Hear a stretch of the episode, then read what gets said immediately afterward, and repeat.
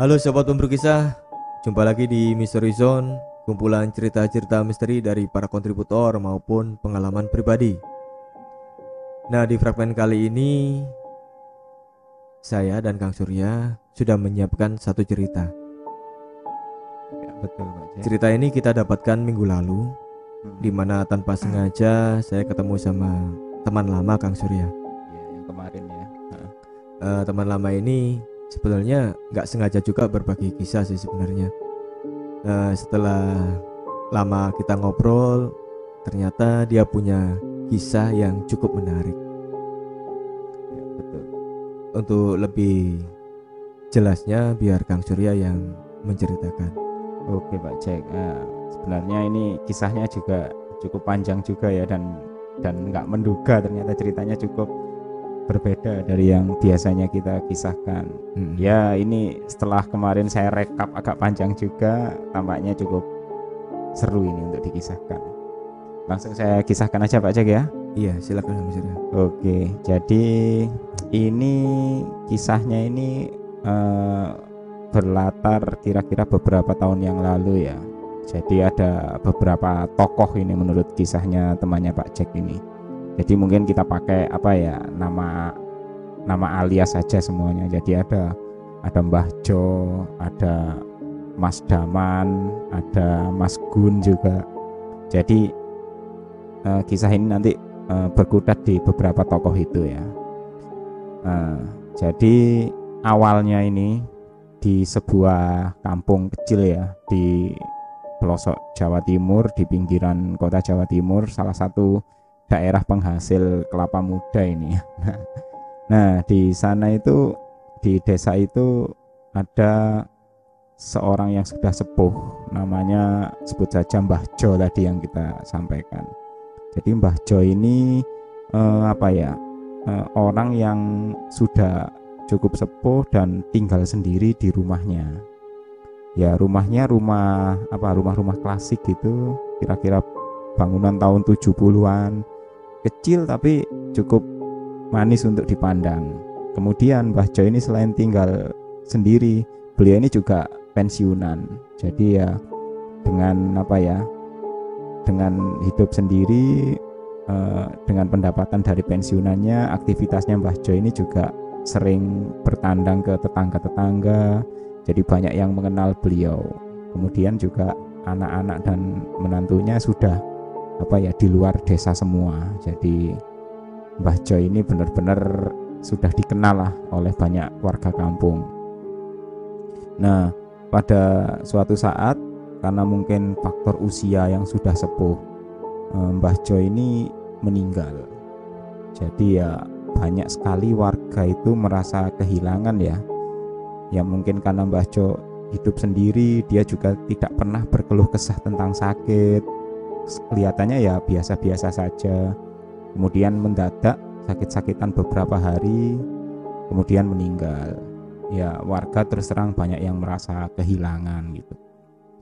Nah sepeninggal beliau, eh, anak-anak Mbah Jo dan menantunya itu ya membersihkan rumah itulah.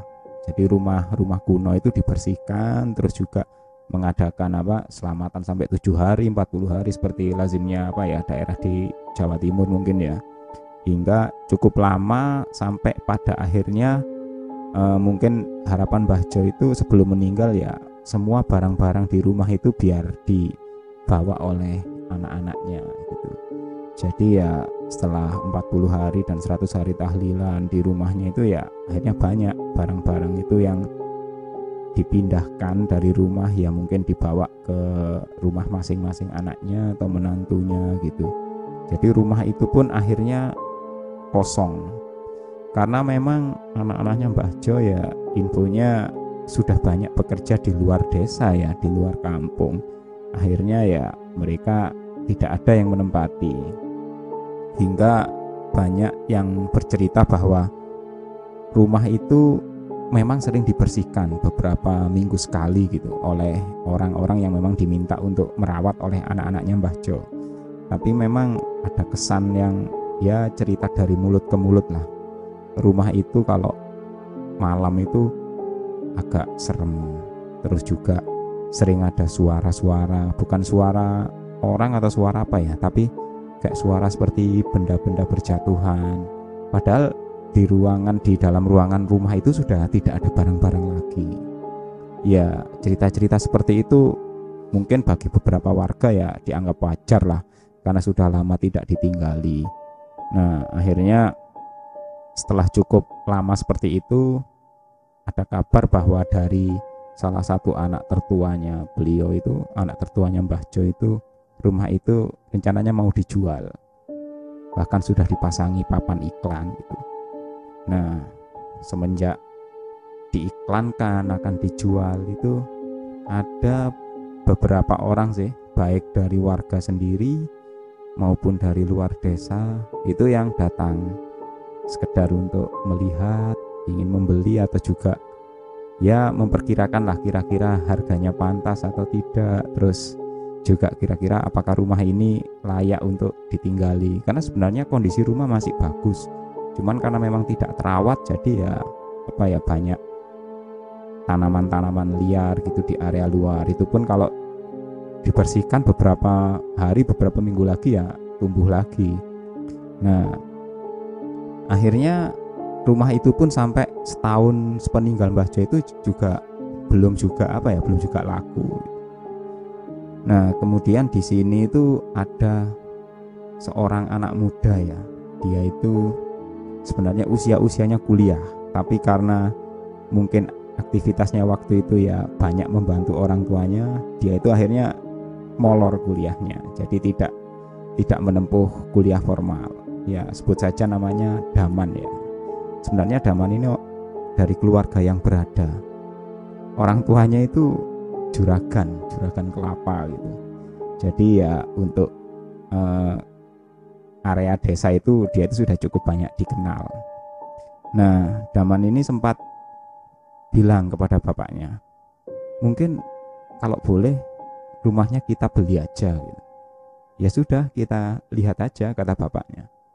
Akhirnya Daman ini yang aktivitasnya banyak membantu bapaknya urusan kelapa itu ya datang ke sana dipandu oleh uh, apa anak tertuanya Mbah Jo ya waktu datang ke sana sebenarnya Daman ini berharap mungkin bisa dibelilah rumahnya. Jadi dia itu mungkin bisa berkegiatan di sana ngajak teman-temannya mungkin rental PlayStation atau mungkin juga buka internet atau apa. Karena di saat-saat itu di apa ya di daerah sana itu mungkin identik dengan apa ya daerah-daerah yang mungkin anak-anaknya suka main PlayStation atau apa gitu. Jadi Daman ini punya keinginan untuk menggunakan rumah itu sebagai tempat dia uh, beraktivitas kemudian juga mungkin ngajak teman-temannya kumpulannya kumpulannya itu untuk beraktivitas di sana.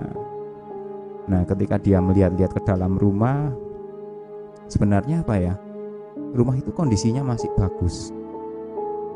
Ya, area dalamnya karena jarang ditempati cukup bersih. Cuman memang di area luar tanamannya memang agak liar tumbuhnya. Lah, ketika Daman ini bersama bapaknya sambil ditemani anak tertua Mbah Jo itu melihat-lihat ke dalam rumah, awal-awalnya ya senang juga sih tertarik sih sambil ngobrol ngalor ngidul gitu tapi semakin masuk ke dalam rumah semakin melihat masing-masing ruangnya kamar-kamarnya kok apa ya hawanya itu terasa seperti lembab gitu dan anehnya Daman maupun bapaknya itu seperti kehilangan ketertarikan terhadap rumah itu. Apalagi melihat kondisi ke belakang di belakang itu kamar mandinya juga besar tapi apa ya seperti lembab dan dingin gitu. Dan kamar mandi lainnya juga harus keluar dari rumah induk termasuk tempat sumur dan lain sebagainya. Jadi akhirnya Daman ini sama bapaknya merasa sepakat bahwa sebenarnya rumah ini bagus tapi kayaknya kurang nyaman. Mereka akhirnya ya uh, apa ya uh, kayak semacam ya sudahlah membatalkan niatnya. Akhirnya tidak jadi untuk berminat terhadap rumah itu. Nah, akhirnya mereka pun kembali dan Daman pun juga uh, beraktivitas kembali lah membantu bapaknya untuk bisnis kelapanya itu ya. Nah, pada suatu hari uh, panenan kelapanya itu cukup membludak. Jadi banyak yang harus segera dikirim ke pasar dan ke tempat pembeli-pembeli langganan bapaknya. Sebenarnya Daman ini punya apa ya punya truk sendiri, truk yang khusus ngangkut didistribusikan kelapanya itu ke pelanggan-pelanggan. Tapi karena waktu itu truknya itu kondisinya kelapa panenan sangat membeludak, akhirnya dia biasanya meminta bantuan salah seorang apa ya, ya orang desa orang desa situ juga namanya Mas Gun gitu ya. Jadi dia ini juga punya truk sendiri, terus dia juga aktivitasnya tidak sekedar mengangkuti kelapa di waktu tertentu dia membantu Daman dan bapaknya juga disewa untuk ngangkut kelapa. Di waktu-waktu tertentu kadang-kadang dia juga membawa truknya itu untuk angkut-angkut material proyek. Kadang-kadang juga ngangkuti hal-hal lain. Jadi ya ibaratnya kayak serbaguna lah. Dia dan truknya itu sering diajak bantuan Daman dan bapaknya gitu. Nah Daman waktu itu ngontak sama Mas Gun ini supaya besok hari apa ya hari Minggu itu ada banyak pesanan. Jadi mungkin truknya bisa disewa bisa diminta untuk mengantarkan panenan kelapa ini ke pelanggan-pelanggannya yang tidak apa ya tidak tertampung oleh truknya sendiri gitu. Nah sambil ngobrol Mas Gun itu tiba-tiba ya menolak gitu. Waduh wah maaf ya man ya. Daman besok ini trukku disewa ini. Oh disewa mas. Tumben. Biasanya kan hari minggu nggak ada proyek nggak ada angkutan material. Soalnya aku juga butuh banget ini. Besok minggu itu harus dikirim banyak ini truknya. Trukku sendiri nggak ngatasi katanya daman tapi nggak bisa ya man. Jangan besok deh. Lusa saja hari Senin Waduh, nggak bisa ini mas, berat ini, banyak banget panenanku. Emang kenapa besok? Waduh, aku besok ini sudah ada jadwal katanya. Lah, katanya jadwal apa ya? Tumben ngirim, besok kan minggu pikirnya Daman gitu. Ndak, besok itu aku diminta anaknya Mbah Jo, anak pertamanya Mbah Jo, itu ngirim barang dari rumahnya keluar desa Nah, Daman pun akhirnya ya juga mikir, oh gitu ya mas. Iya sudah ya, aku tak nyari teman-teman dulu, soalnya nggak cukup satu truk, katanya gitu katanya Mas Gun. Nah, akhirnya telepon pun terputus. Daman sempat berpikir, di rumahnya Mbah Jo ini bukannya sudah kosong. Terus kenapa kok besok kok mau diangkut itu apa yang mau diangkut? Pikirnya Daman seperti itu. Akhirnya Daman waktu itu ingat di belakang rumahnya Mbah Jo itu ada bilik kecil yang terpisah dari rumah. Jadi di bilik itu waktu dia melihat itu ada kayak bangunan ukuran 2 meter kali 2 meter itu berada di dekat sumur. Itu terkunci. Jadi katanya sudah sudah digembok dan gemboknya kuncinya hilang. Ya mungkin di situlah katanya barang yang masih tersisa. Cuman Daman Daman juga mikir masa sih untuk ruangan ukuran segitu harus pakai nyewa truk pikirnya gitu. Ya daripada dia pusing mikirkan hal seperti itu akhirnya Daman ya sudah dia pun berpikir mungkin aku tak nyari alternatif pinjaman truk lain aja deh.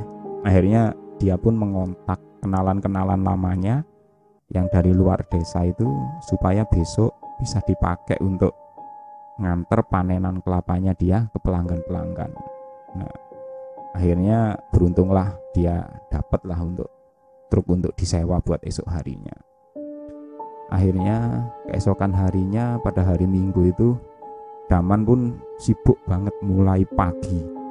Jadi dia itu berkeliling mengontrol apa ya bersama bapaknya itu ngontrol angkutan panenan hasil kelapanya itu dibawa ke masing-masing truk bahkan juga sampai pakai kendaraannya sendiri yang katanya bawa pickup sendiri gitu semua di ditata dikontrol. Daman pun ngikuti sambil ngontrol ke pelanggan-pelanggannya. Jadi dia berkeliling juga ke sana. Jadi mulai dari pagi sampai menjelang sore. Kira-kira jam jam setengah tiga jam tiga sore gitu. Nah ketika sore tiba semua kiriman selesai dikirim. Akhirnya Daman pun mau balik lah ke rumahnya di perjalanan pulang dia itu tiba-tiba melihat apa ya iring-iringan truk. Ada tiga truk. Iring-iringan truk itu berjejer berpapasan dengan dia keluar dari jalan desanya. Nah Daman pun meminggirkan kendaraan meminggirkan motornya. Waktu itu dia bawa, motor kan ya. Dia itu melihat loh ini sepertinya Mas Gun keluar dari desa ya? Apa ndak ndak pagi tadi ngantarnya? Ya dia lihat memang ada Mas Gun di salah satu truk itu. Kemudian dia ambil telepon dia pun mengontak. Halo Mas Gun. Oh iya gimana? Jadi anu ta nganter barang ta? Lo iya jadi. Lah ini baru berangkat. Ya Daman juga penasaran. Perasaan barusan truk tiga itu lewat tapi kok muatannya kosong gitu loh. Tidak ditutupi apa terpal atau apa seolah-olah tidak ada barang sama sekali. Baknya masih terbuka dan kosong semua. Lo nganter ke mana mas? Ya ini anu nganter keluar desa. Soalnya dari tadi pagi nunggu lama ternyata bisa diantarnya sore. Dan harus nyampe keluar desa sebelum senja datang sebelum maghrib katanya gitu. Sudah ya nanti dulu ya aku lagi nyetir ini katanya Mas Gun gitu. Ya Daman pun merasa ada yang aneh antara apa ya dia mungkin jengkel atau apa. Kemarin dia minta diantar buat ngangkuti kelapa ditolak. Sekarang dia selesai urusannya ngangkut ngangkutin kelapa. Mau balik malah papasan. Mas Gun baru nganter barang. Ya dia mungkin sedikit jengkel dan gimana gitu ya. Akhirnya dia itu inisiatif dia memutar motornya kemudian ngebut berusaha menyusul iring-iringan truk yang keluar dari desa tadi. Nah akhirnya tak berapa lama motor daman ini memang bisa mengejar ketiga truk itu. Ya dia memang tidak ada niatan sih untuk apa kayak semacam menghalangi atau mencegat atau apa ya. Dia cuma sekedar membuntuti kira-kira mau diantar ke mana ini loh barang-barang? Terus dia juga mikir barang apa sih yang dibawa ini? Wong kelihatannya truknya kosong terus tidak ditutupi apa terpal lagi jadi terbuka gitu aja baknya nah akhirnya dia pun menguntit di belakang tiga truk itu. Kebetulan truk yang paling belakang ini truk yang apa ya bukan truknya Mas Gun gitu. Jadi dia menguntit di belakangnya truk itu berusaha semakin mendekat gitu. Ternyata iring-iringan truk itu keluar dari desa. Itu melewati jalan-jalan yang sudah agak rusak menuju ke itu area kayak hutan pinggiran desa gitu. Daman juga mikir apa di sana ada anu ya rumah-rumah baru ya perumahan atau tempat baru perasaan di sana hutan juga nggak pernah ada orang bangun rumah atau apa gitu akhirnya dia pun semakin menguntit ketiga truk itu dan semakin dekat dengan truk yang paling belakang. Dia itu berusaha mendekati sampai jarak yang terjangkau sekali untuk berusaha melihat apa sih yang diangkut itu. Nah kebetulan bak truknya kan dari kayu-kayu gitu ya. Jadi antara kayu itu papan-papan kayu itu masih ada selah Nah itulah yang berusaha dikejar oleh Daman sambil mengintip dari sela-sela truk itu ya agak nekat juga dia ya di kondisi jalan yang sudah agak rusak gitu ngebut di belakangnya truk kendaraan besar gitu. Ketika dia mencoba melihat apa yang ada di dalam, itu semuanya kosong. Dalam bak truk itu dia tidak melihat barang sama sekali. Tapi entah kenapa tiba-tiba dia itu seperti apa ya tidak tidak menyangka di antara sela-sela bak truk yang terbuat dari kayu itu seperti ada sepasang mata yang juga melihatnya. Dan anehnya seketika itu juga motornya itu langsung mogok berhenti seperti kehabisan bensin gitu.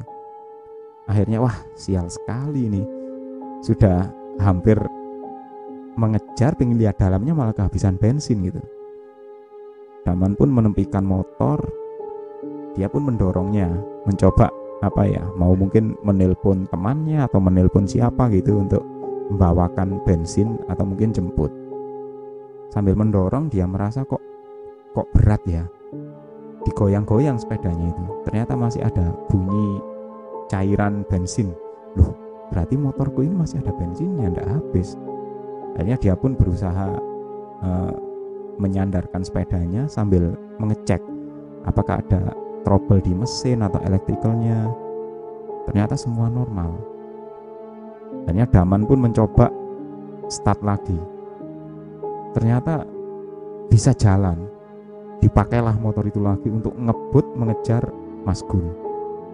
Mas Gun dan teman-temannya pun dikejar sampai akhirnya dia mengikuti jejak truk itu memasuki hutan yang memang di apa ya perbatasan dengan desa itu jadi sampai di hutan itu dia ragu mau masuk ke sana juga. Tempat ini sudah apa ya dia tidak ada keperluan yang sangat penting ke sana dan katanya hutan ini juga sedikit agak angker ya agak mistis. Akhirnya dia pun berhenti sambil melihat apakah benar truk itu memang masuk ke sini. Tak berapa lama ada suara mesin truk itu terdengar semakin dekat semakin dekat.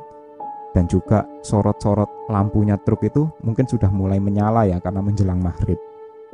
Wah Daman kaget. Ternyata truk-truk itu sudah keluar dari dalam hutan berpapasan dengan dia. Bahkan Mas Gun pun sambil melambainya melambaikan tangan ke arah dia. Woi ayo balik dulu sudah mau malam gitu. Akhirnya Daman pun masih dibebani rasa penasaran dia pun memutar motornya. Akhirnya pulang mengikuti ketiga truk yang beriringan tadi. Dan tanpa terasa HP-nya berbunyi ketika diangkat. Ternyata itu Mas Gun. Sudah ayo pulang dulu aja. Nanti malam kita kamu tak ajak makan sambil cerita gitu. Akhirnya ya sudah nanti malam ya mas. Ya akhirnya Mas Gun pun balik bersama teman-temannya Daman pun juga pulang setelah maghrib setelah apa ya mandi dan bersih-bersih. Daman pun mengikuti janjinya dengan Mas Gunawan untuk ketemuan. Nah akhirnya mereka pun bertemu di salah satu warung di desa itu ya sambil diajak makan bahkan Daman juga dibelikan rokok. Mas Gun itu pun sambil cerita. Ya mungkin kamu penasaran katanya Mas Gun sambil makan itu. Tapi sebenarnya ceritanya ini agak gimana gitu kan. Aku sendiri juga antara percaya nggak percaya. Emang kenapa Mas katanya Daman. Jadi gini man. Beberapa hari yang lalu itu anaknya Mbah Jo itu mengontak aku gitu. Akhirnya aku datang datang nemui anaknya Mbah Jo. Ternyata di sana itu dia itu bersama kakek nenek yang sudah tua jadi kakek nenek itu infonya adalah apa ya? Kenalan lamanya Mbah Jo gitu. Nah kakek nenek itu yang mau membeli rumahnya Mbah Jo sekarang katanya mau ditempati.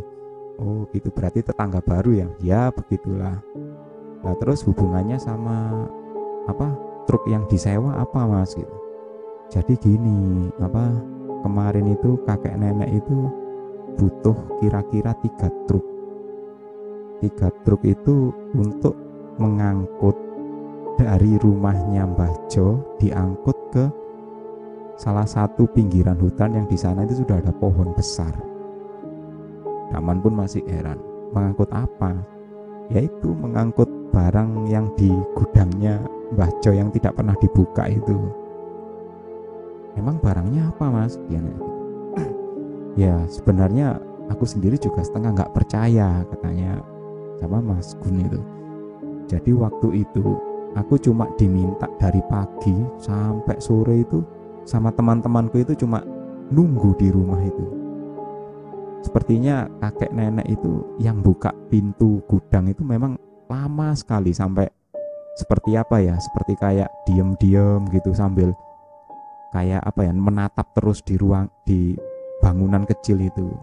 Sampai akhirnya kakek itu bilang aku sudah ini nanti mulai jam 3 ini harus segera diantar ke pinggiran hutan. Terus kalau bisa nyampe sana semua selesai sebelum maghrib dan aku itu waktu itu cuma tanya ini yang diantar apa mbah? ya nu ini ada keluarga besar yang mau pindahan gitu nah Mas Gun ini sambil cerita itu sambil apa ya? Sambil membayangkan kejadian sore tadi. Jadi dia itu bercerita sambil apa ya? Dengan dengan mimik muka yang cukup tegang gitu pada Daman. Nah akhirnya waktu itu aku sendiri antara tidak percaya dengan tidak per, dengan percaya tidak percaya gitu aku sama teman-teman itu diminta untuk membuka pintu belakang truk dan anehnya tidak ada apa-apa yang terlihat oleh mata tapi memang ada yang dirasakan oleh teman-temanku dan aku juga itu. Truk itu seperti bergoyang-goyang seperti dinaiki oleh puluhan sosok yang tidak terlihat. Dan katanya mbah mbah-mbah itu kakek nenek itu katanya ini ada kira-kira ratusan sosok satu keluarga besar itu yang memang minta dipindahkan dari ruangan kecil itu ke tempat yang sudah ditentukan di hutan pinggir desa. Nah, semua ketika sudah masuk, tiga truk itu bergoyang-goyang. Kemudian aku diminta menutup pintunya belakang itu, terus disuruh berangkat. Jadi ketika berangkat itu memang truk itu walaupun terlihat kosong, tapi rasanya itu seperti membawa muatan penuh gitu. Sampai akhirnya di tempat yang ditentukan kakek nenek itu kan juga ikut di dalam truk. Kemudian diminta membuka pintu truk, belakang truk baknya dibuka, dan katanya sama seperti tadi, truk juga bergoyang-goyang seperti banyak sosok yang turun gitu. Baru setelah itu selesai semua, kita diminta balik. Dan ya seperti itulah kejadiannya. Makanya aku tidak berani cerita dulu ke kamu man, katanya Mas Gun gitu. Jadi ya memang permintaannya seperti itu.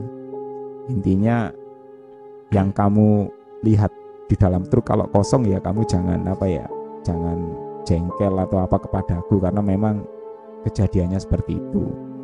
Akhirnya Daman pun ya cuman terdiam saja waktu itu mendengar cerita Mas Gun. Dia juga kejengkelannya sama Mas Gun kecewanya sama Mas Gun juga tiba-tiba hilang bahkan dia sendiri pun akhirnya sekarang berpikir berarti secara nggak langsung tadi itu aku ini ngikutin apa ya ngikutin keluarga keluarga yang pindahan ya keluarga tak kasat mata itu. Keluarga mungkin keluarga jin yang pindahan dia nggak sengaja menguntit berarti ini. Pantesan tadi tiba-tiba motornya mati gitu pikirnya Daman seperti itu. Jadi ya apa ya sebuah kisah yang mungkin apa ya agak agak unik juga ya kita tidak menyangka gitu Pak Jack Iya ini teman saya ini juga bilang kan kalau apa namanya aktivitasnya Mas Gun itu setelah kejadian itu akhirnya oh, sering iya. sering dapat orderan yang sama hampir sama iya. lah kayak gitu ya mungkin akhirnya anu dia itu jadi spesialis iya, angkutan angkutan kayak gitu selain tentunya ngangkutin kelapa ngangkutin material juga katanya uh, Oke, okay, sobat tempur kisah, Terima kasih telah mendengarkan fragmen kami. Jangan lupa untuk subscribe, like, dan tinggalkan komentar di bawah. Serta nantikan fragmen-fragmen kami selanjutnya. Assalamualaikum warahmatullahi wabarakatuh. Bye bye.